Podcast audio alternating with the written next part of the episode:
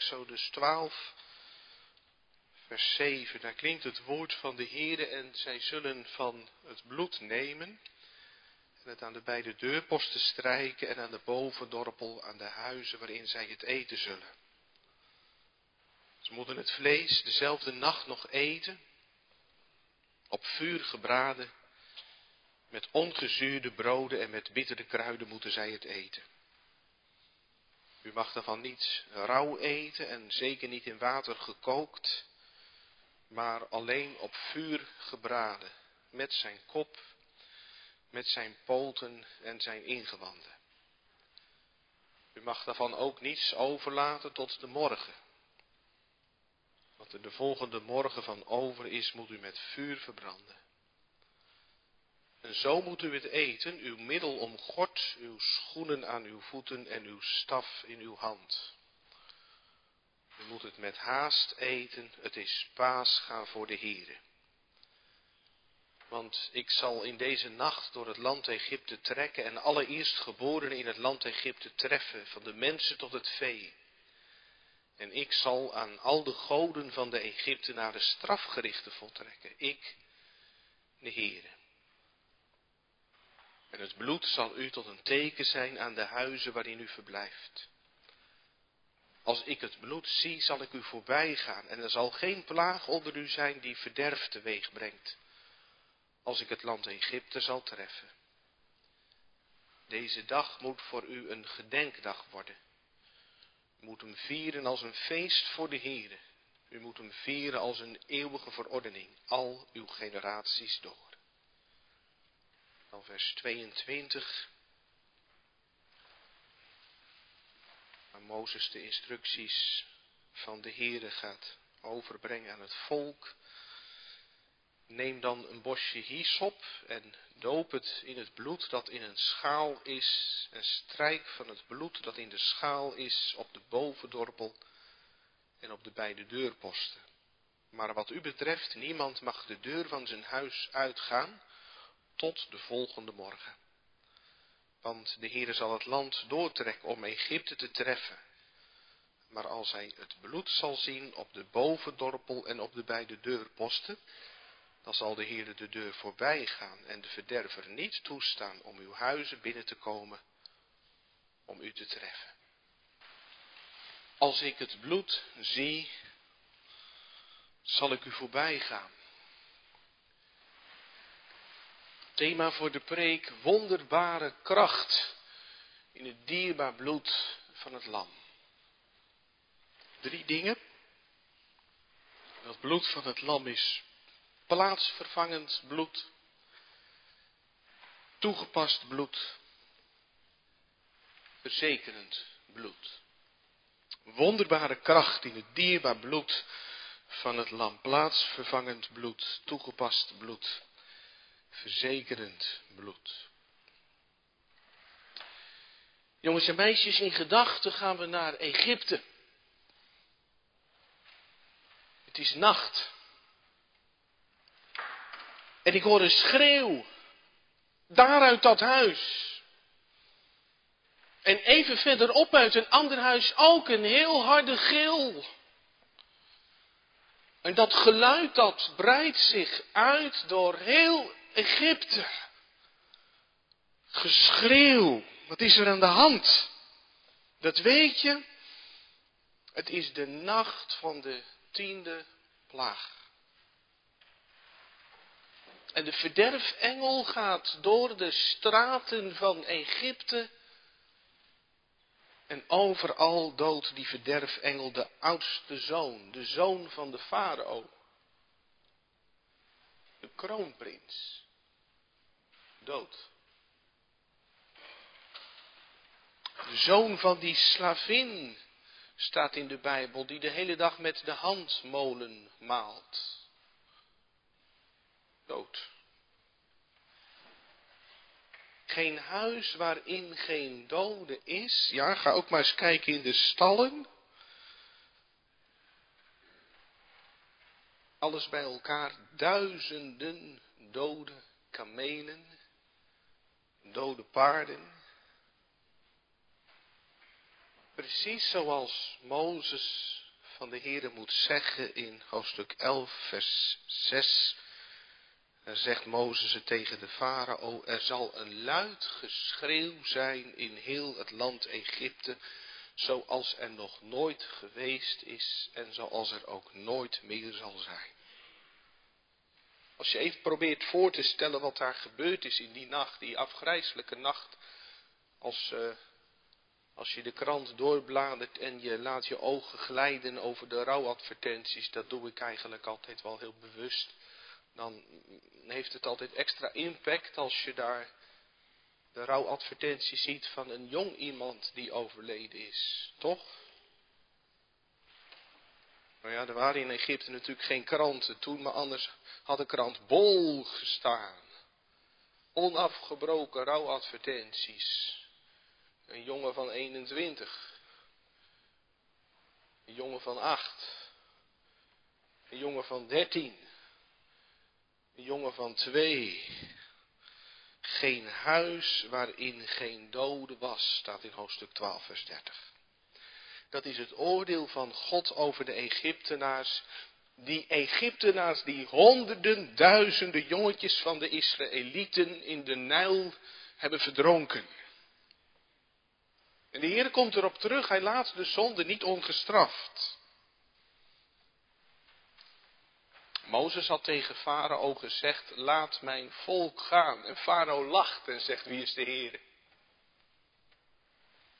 Dan krijgt Farao negen waarschuwingen, negen gele kaarten, negen plagen. En een paar keer dan huilt Farao krokodillentranen.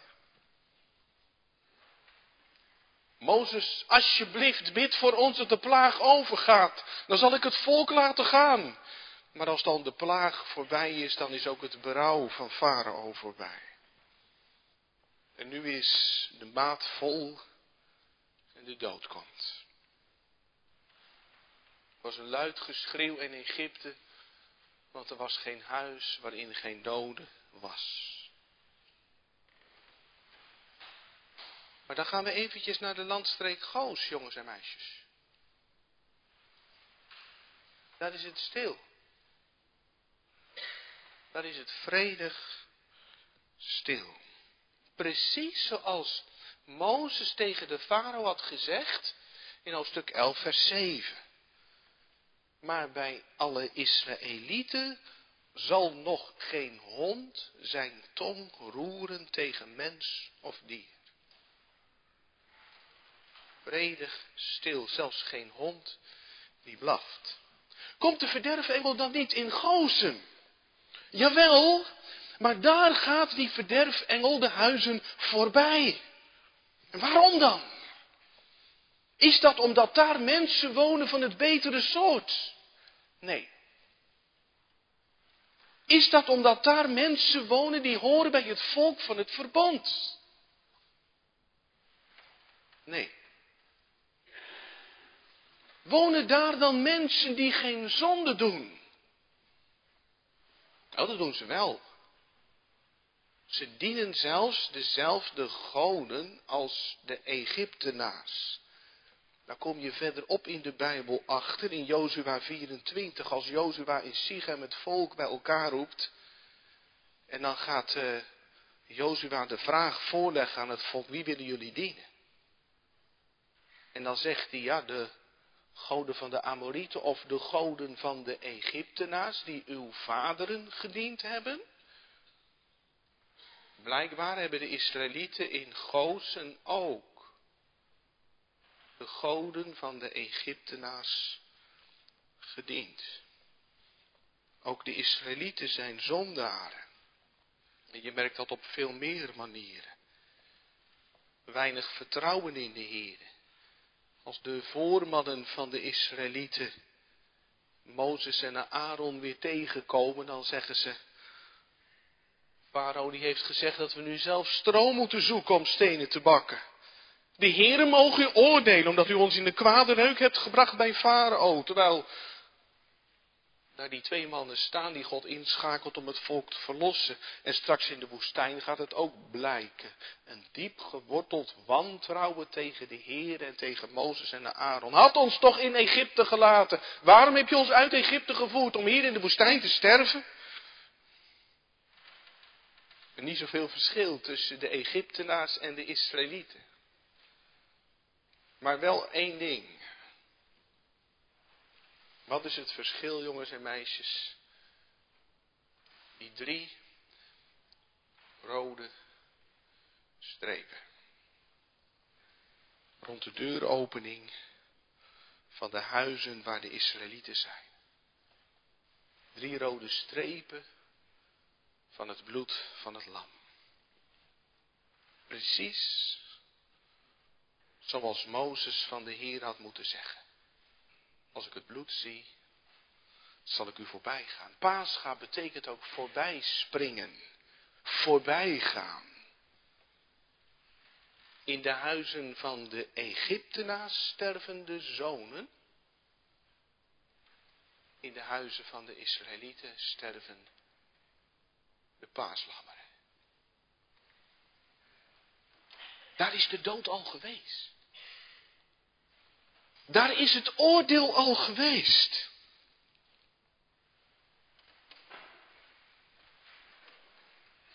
Weet, als kind maakte deze geschiedenis heel veel indruk op mij, want ik was de oudste jongen thuis. En ik dacht, ja, stel dat wij toen in Egypte hadden gewoond, en die verderfengel was voorbijgekomen, dan was niet mijn zus gedood of een van mijn jongere broers, maar dan ik. Stel nou dat er nog een keer zo'n nacht komt. Je zou geen oog meer dicht doen, toch? En inmiddels weet ik dat er nog een keer zo'n oordeel komt. Dat beleiden we iedere zondag, dat Jezus komt om te oordelen de levenden en de doden. Dat is niet iets waar wij ons ogen voor moeten sluiten, dat willen wij misschien wel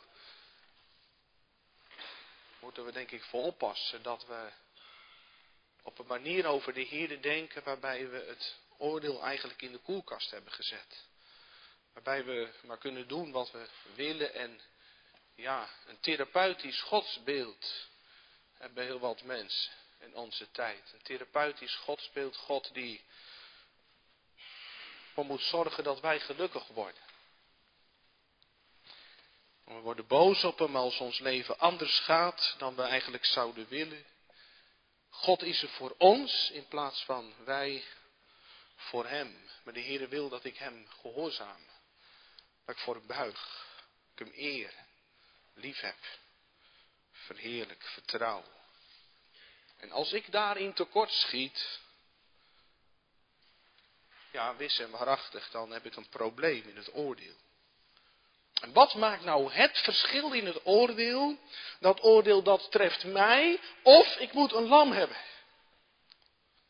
En dat lam is Jezus. Dat hebben we vorige week gehoord. Dat Jezus het paaslam is.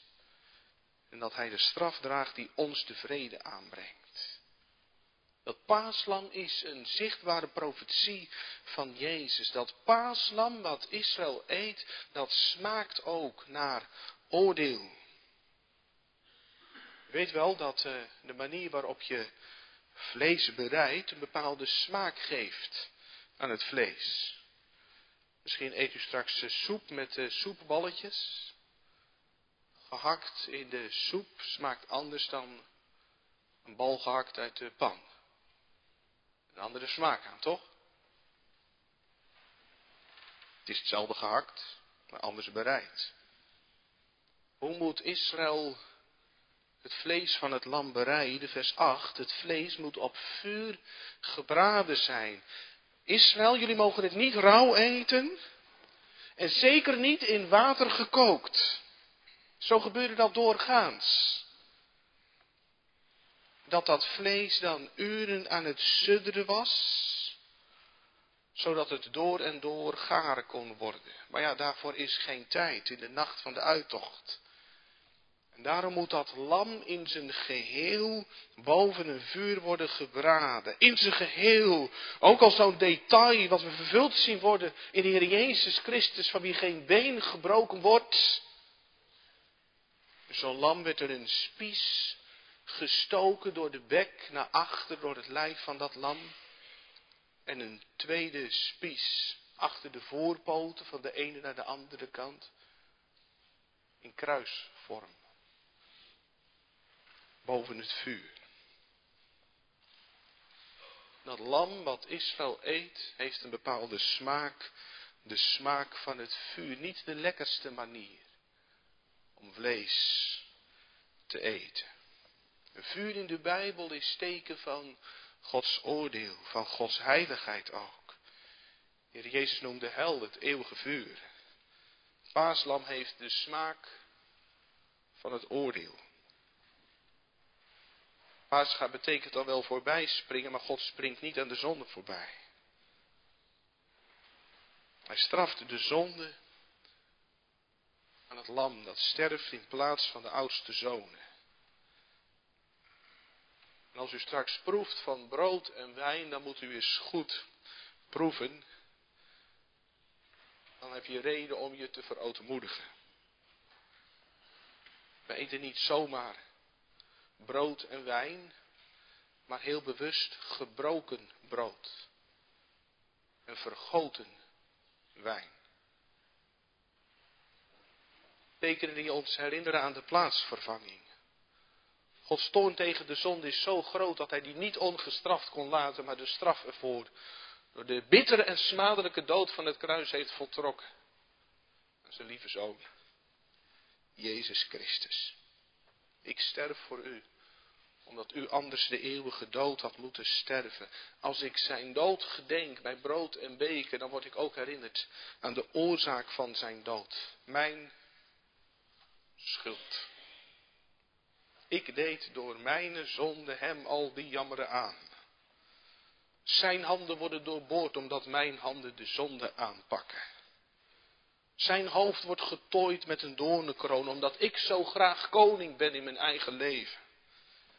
Hij lijdt dorst aan het kruis omdat ik zo vaak mijn levensdorst probeer te lessen op de verkeerde plaats. Welke borg is onze Jezus die in onze plaats wil staan bloed van het lam, plaatsvervangend bloed. Maar gemeente moet een stapje verder. Want het is opvallend in Exodus 12 dat paasgalam moet niet alleen geslacht worden, er moet ook wat met dat bloed gebeuren. In uh, vers 22 lezen we dat. Het bloed dat moet niet zomaar wegvloeien, maar opgevangen worden in een schaal. En dan moet het geschilderd worden rond de deuringang. Niet op de drempel, anders zou je erop gaan staan, dan zou je het bloed vertreden. Maar aan de beide deurposten, links en rechts, en aan de bovendorpel. En waarom daar? Nou ja, de deur is je toegang tot je huis. En daarom is de deur heel vaak symbool voor het hele huis. Dat merk je bijvoorbeeld ook in het vierde gebod. Dan gaat het over de vreemdeling die binnen uw poorten is. De vreemdeling die bij u in de stad woont. Daar is de poort symbool voor de stad. Als de ingang van je huis getekend is met bloed, is heel je huis getekend met bloed. En Israël moet daar een bosje hyssop voor gebruiken. Een kwast, ik zei dat net al, gemaakt van takjes van de hysopplant, die je bij elkaar bond met een stukje touw. Hysopplant met harige bladeren die heel makkelijk vocht opnemen. Als je zo'n bosje hyssoptakjes in die schaal met bloed legt, dan zuigen die bladeren zich als het ware vol met bloed. Dan kun je vervolgens verven. En staat er ook nog bij, niemand mag de deur van zijn huis uitgaan. tot de volgende morgen. Wegkruipen achter het bloed, achter de deur. Maar dat bloed van het lam moet dus niet alleen vergoten worden, maar ook aangebracht. Spurgeon ziet daarin beeld voor het geloof. Dat bloed van Jezus, dat moet persoonlijk worden toegepast aan mijn hart. Dat is bijbels, dat is bijbels. Want ik lees nergens in de Bijbel dat Jezus zijn bloed stort en dat daarom alle mensen zalig worden. Maar ik lees wel dat het aankomt op geloof. Persoonlijk geloof. Al zo lief heeft God de wereld gehad, dat hij zijn enige geboren zoon gegeven heeft. Opdat ieder die in hem gelooft, niet verloren gaat, maar het eeuwige leven heeft. Stel je voor, jongens en meisjes, dat er een vader was bij de Israëlieten die wel een lam had geslacht. En het vlees stond wel op tafel, maar het bloed was niet aangebracht aan de deurposten en de bovendorpel.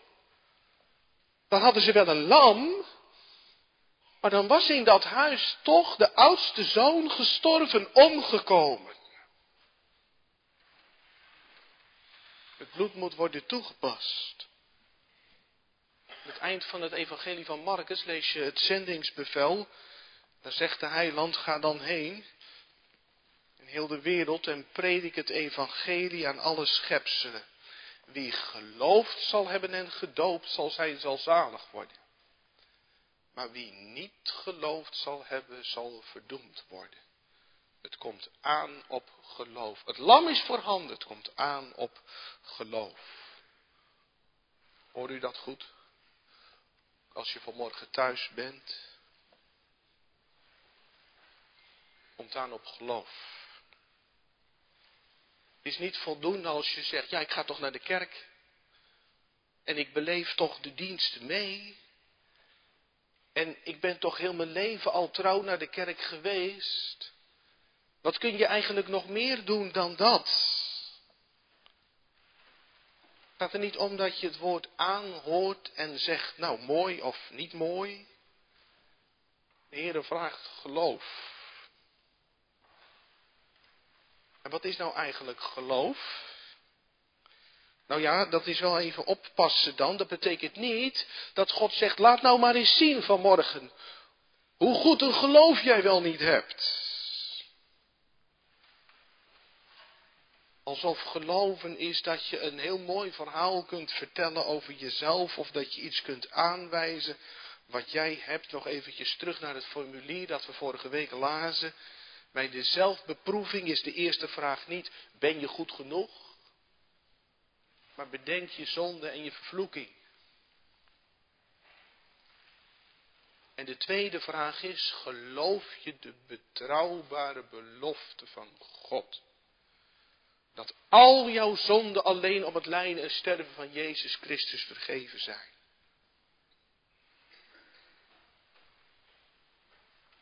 Gaat er niet om wat jij hebt. Maar juist wat je mist mag vinden. In Christus. Die derde vraag, onderzoek je geweten, je gezindheid.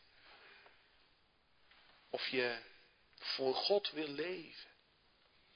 Die gezindheid is er als de geest in je komt wonen. Je zou willen leven in volmaaktheid. Dat is je verlangen, dat is je gezindheid. Het is er vaak zo ver bij vandaan. En juist daarom de toevlucht tot het lam. Geloof, geloof lijkt eigenlijk wel op die hyssopbladeren. Wat doen hyssopbladeren? Wat doen hyssopbladeren? Ja, die liggen in een schaal en die zuigen bloed op.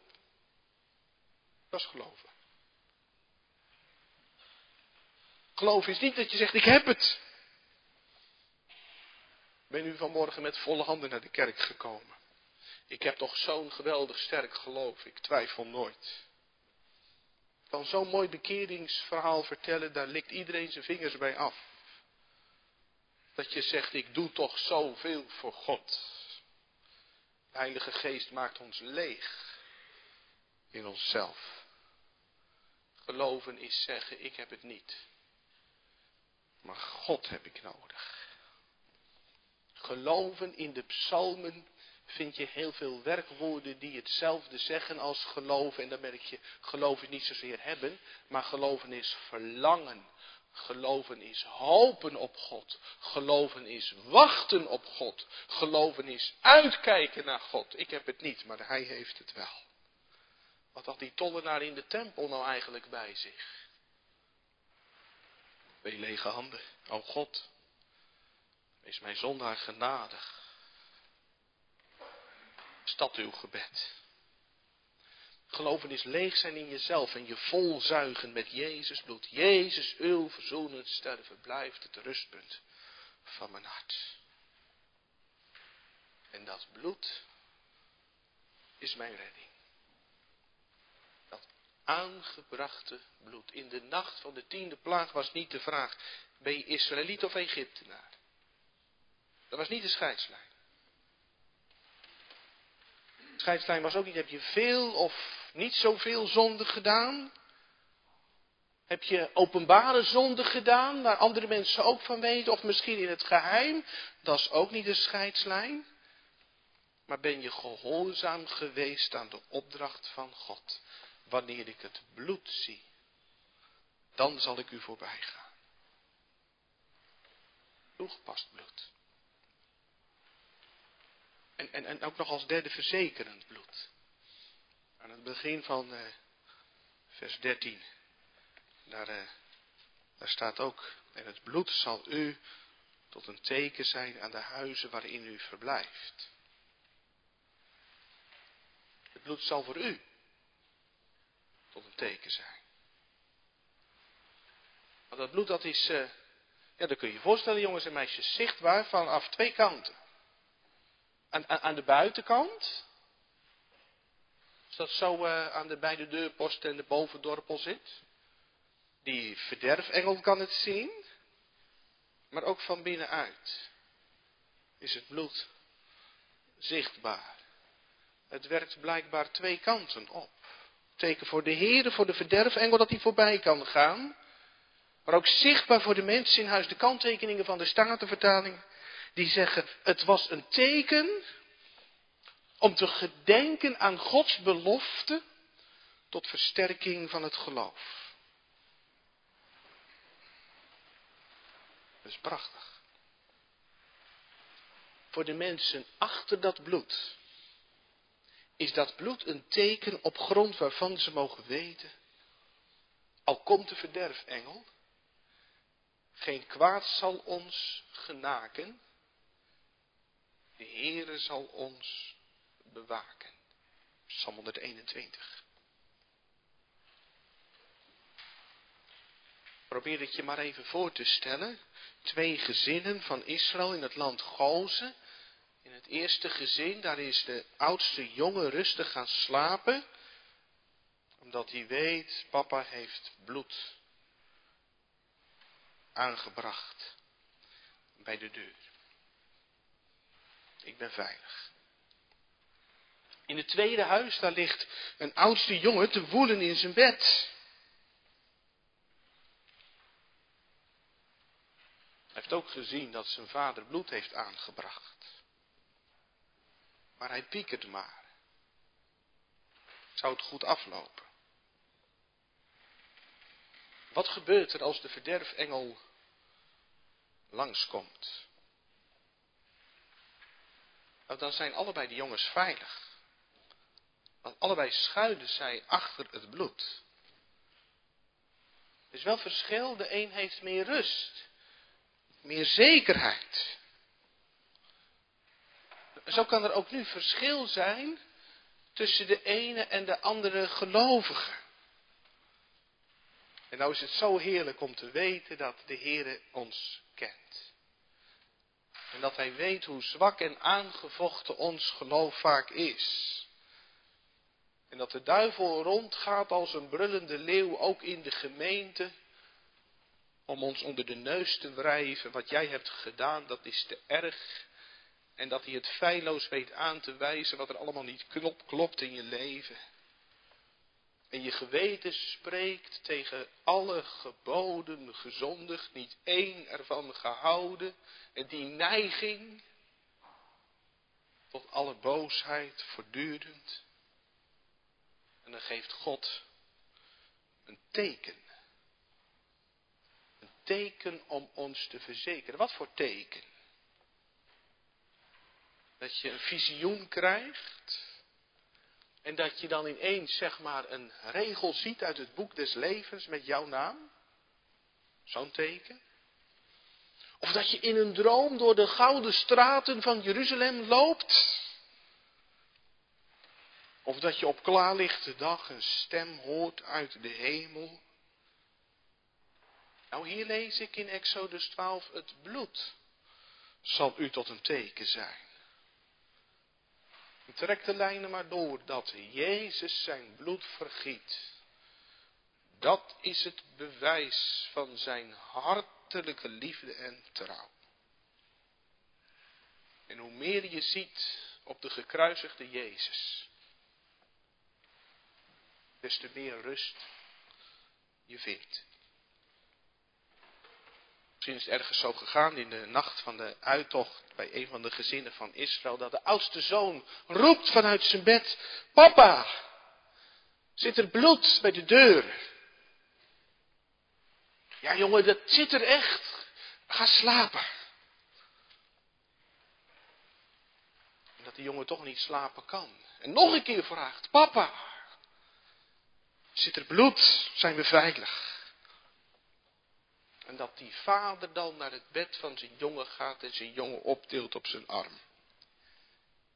De mee naar de deuropening en zegt, kijk maar. Zie je wel? Het bloed van het lam. Wij blijven binnen.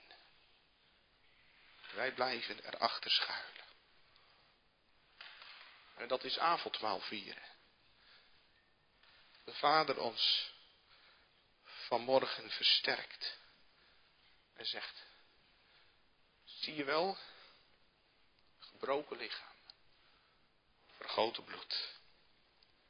Zo verzeker ik je van mijn hartelijke liefde en trouw. Blijf erachter schuilen. Het zien van dat bloed, het letten op dat bloed.